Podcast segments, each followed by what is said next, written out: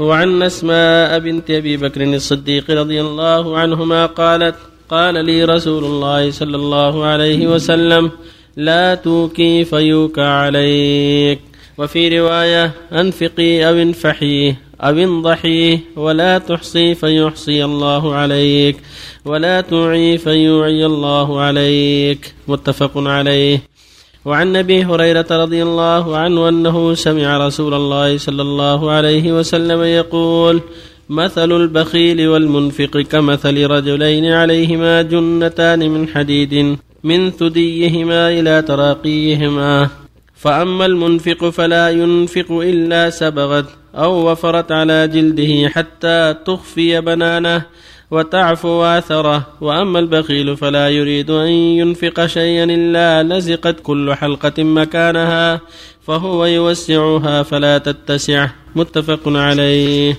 وعنه رضي الله عنه قال قال رسول الله صلى الله عليه وسلم من تصدق بعدل تمرة من كسب طيب. ولا يقبل الله إلا الطيب.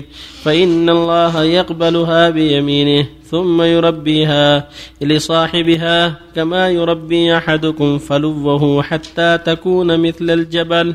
متفق عليه. وعنه رضي الله عنه عن النبي صلى الله عليه وسلم قال بينما رجل يمشي بفلاة من الأرض فسمع صوتا في سحابة أسق حديقة فلان فتنحى ذلك السحاب فأفرغ ماءه في حرة فإذا شرجة من تلك الشراد قد استوعبت ذلك الماء كله فتتبع الماء فإذا رجل قائم في حديقته يحول الماء بمسحاته فقال له يا عبد الله ما اسمك؟ قال فلان الاسم الذي سمع في السحابة.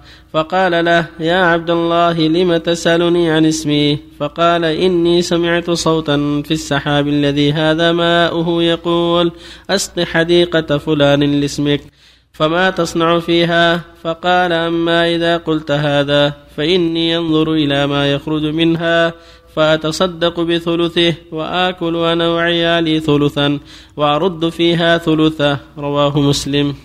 بسم الله الرحمن الرحيم. الحمد لله. صلى الله وسلم على رسول الله وعلى آله وأصحابه ومن اهتدى أما بعد فهذه الأحاديث الأربعة كالتي قبلها في الحث على الصدقة والإنفاق في وجوه الخير وعدم الشح لأن الله يقول جل وعلا وما أنفقتم من شيء فهو يخلفه وهو خير الرازقين.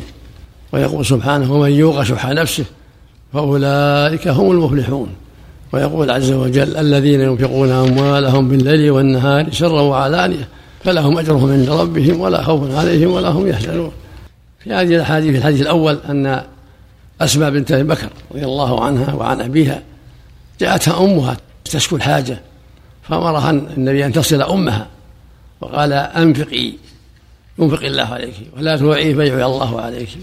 أمرها بالإنفاق والإحسان قال ولا تحصي فيحصي الله عليك. أمرها بالجود والكرم حتى على أمها الكافرة. وجاءت في وقت الصلح الذي بين النبي وبين أهل مكة. فالإنسان مشروع له الإنفاق والإحسان حتى ولو على أقاربه الكفار. إذا كانوا ليسوا حربا لنا في صلح وأمان لأن في هذا صلة رحم وفيه دعوة لهم إلى الإسلام وتأليف. فشرع للمؤمن أن ينفق ويحسن حتى في أقاربه الكفار الذين بيننا وبينهم عهد ليسوا حربا لنا. فالإنفاق يأتي بالخير ويأتي برضا من الله عز وجل.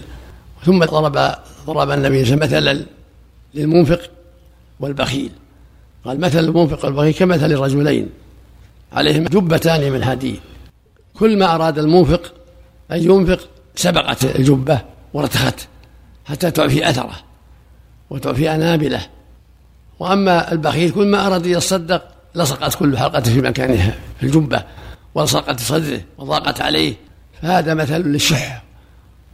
البخيل في صدر الشح. كل ما أراد نفقة منعه شحه وبخله وسوء ظنه.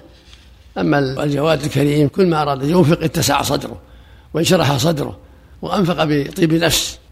الحديث التالي يقول صلى الله عليه وسلم ما من رجل يتصدق بعدل تمرة من كسب طيب ولا يقبل الله إلا الطيب إلا تقبلها الله بمنه فيربيها لصاحبها كما يربي أحدهم فلوها وفصيلة حتى تكون مثل الجبل. التمرة تكون مثل الجبل. إذا تصدق بتمرة أو بدرهم أو غير ذلك من كسب طيب تقبل الله. ورب هذه الصدقة لصاحبها حتى تكون مثل الجبل. هذا فيه الحث على الصدقة ولو بالقليل. تقدم حديث قول صلى الله عليه وسلم اتقوا النار ولو بشق تمرة. فمن لم يجد بكلمة طيبة. تقدم لكم غير مرة حديث العائشة في المرأة التي جاءت بابنتين لها تشحذ فأعطتها عائشة رضي الله عنها ثلاث تمرات فأعطت كل واحدة من ابنتها تمرة. ثم رفعت التمرة لتأكلها الثالثة. فاستطعمت ابنتها فشقتها بينهما نصفين ولم تأكل شيئا. قال عائشة فأعجبني شأنها. فلما جاء النبي صلى الله أخبرته فقال إن الله أوجب لها بها جنة بهذه الرحمة والإحسان إلى بناتها. الحديث الرابع أن إنسانا سمع صوتا في سحاب. يقول أسقي حديقة فلان أسقي حديقة فلان. فأمطر السحاب وانساب الماء إلى شرجة في من الجبال. فجاء الرجل إلى صاحب الشرجة فإذا هو يعدل الماء بمسحاته فقال له ما اسمك فعلمه باسمه. قال لماذا تسألني عن اسمي؟ قال لي إني سمعت في السحاب الذي الذي هذا ماء سمعت فيها يقال أسقط حديقة فلان أسقى حديقة فلان. في السحاب نفسه. فما كنت تصنع في هذه المزرعة؟ قال كنت أجعلها ثلاثا. ثلث آكلها أنا وعيالي. ثلث أرده في المزرعة في حاجاتها. والثلث الثالث أتصدق به.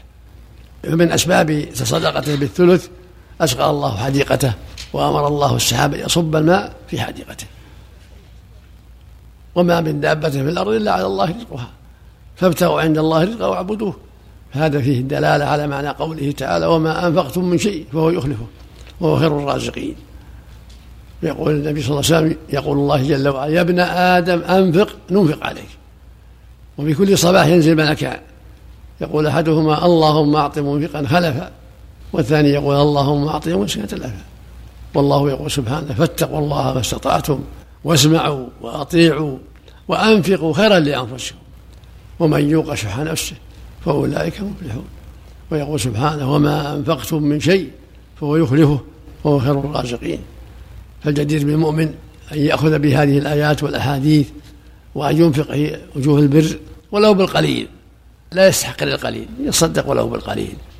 في جواب السائلين الفقير يسأل في جار لا يعرف حاجته في غيرهم ولو بالقليل. فاتقوا الله ما استطعتم. وفق الله الجميع. نفسي وشحي يعني الجبة هذه تعبر عن النفس. عن النفس. البخيل مثل الجبة الضيقة. كل ما أراد يوسعها عن يتوسع. ماسك يديه والغني والمنفق السخي كل ما أراد ينفق اتسعت الجبة اتسعت وانشرحت حتى ينفق. شيخ الله يحسن العمل أنا اعتمرت رمضان الماضي أنه أسرتي سبعة أنفار. ولكن ما قصرنا. لا هو بنسيان ولا هو بعمد. يوم طلعنا من المسعى جهل يعني. لا ولا هو بجهل. يوم طلعنا من المسعى فما شفت حل مقصرين ما شفت هل المقصر ذيك اللي يجون في الحج. واعتقدت ما علينا تقصير وطلعنا. وانت وانت قصرت؟ ما قصرنا. متى هذا؟ رمضان اللي راح. ما قصرت لها الحين؟ إي نعم. قصرها راح قصر. علينا شيء علينا شيء غير البيت وقصر. بس. علينا شيء غير التقصير إذا كنت تعلم. إنه واجب عليك التقصير قبل اللبس. أنا لا بناسي ولا بعماد بس يوم ما شفت إذا كنت تعلم الحق الشرعي عليك تنفق تطعم ستة فقراء ثلاثة أصواع كل فقير نص عن, عن اللبس. وثلاثة أصواع عن عن غطاء الراس إذا كنت هذا وما كنت جاهل ما عليك شيء.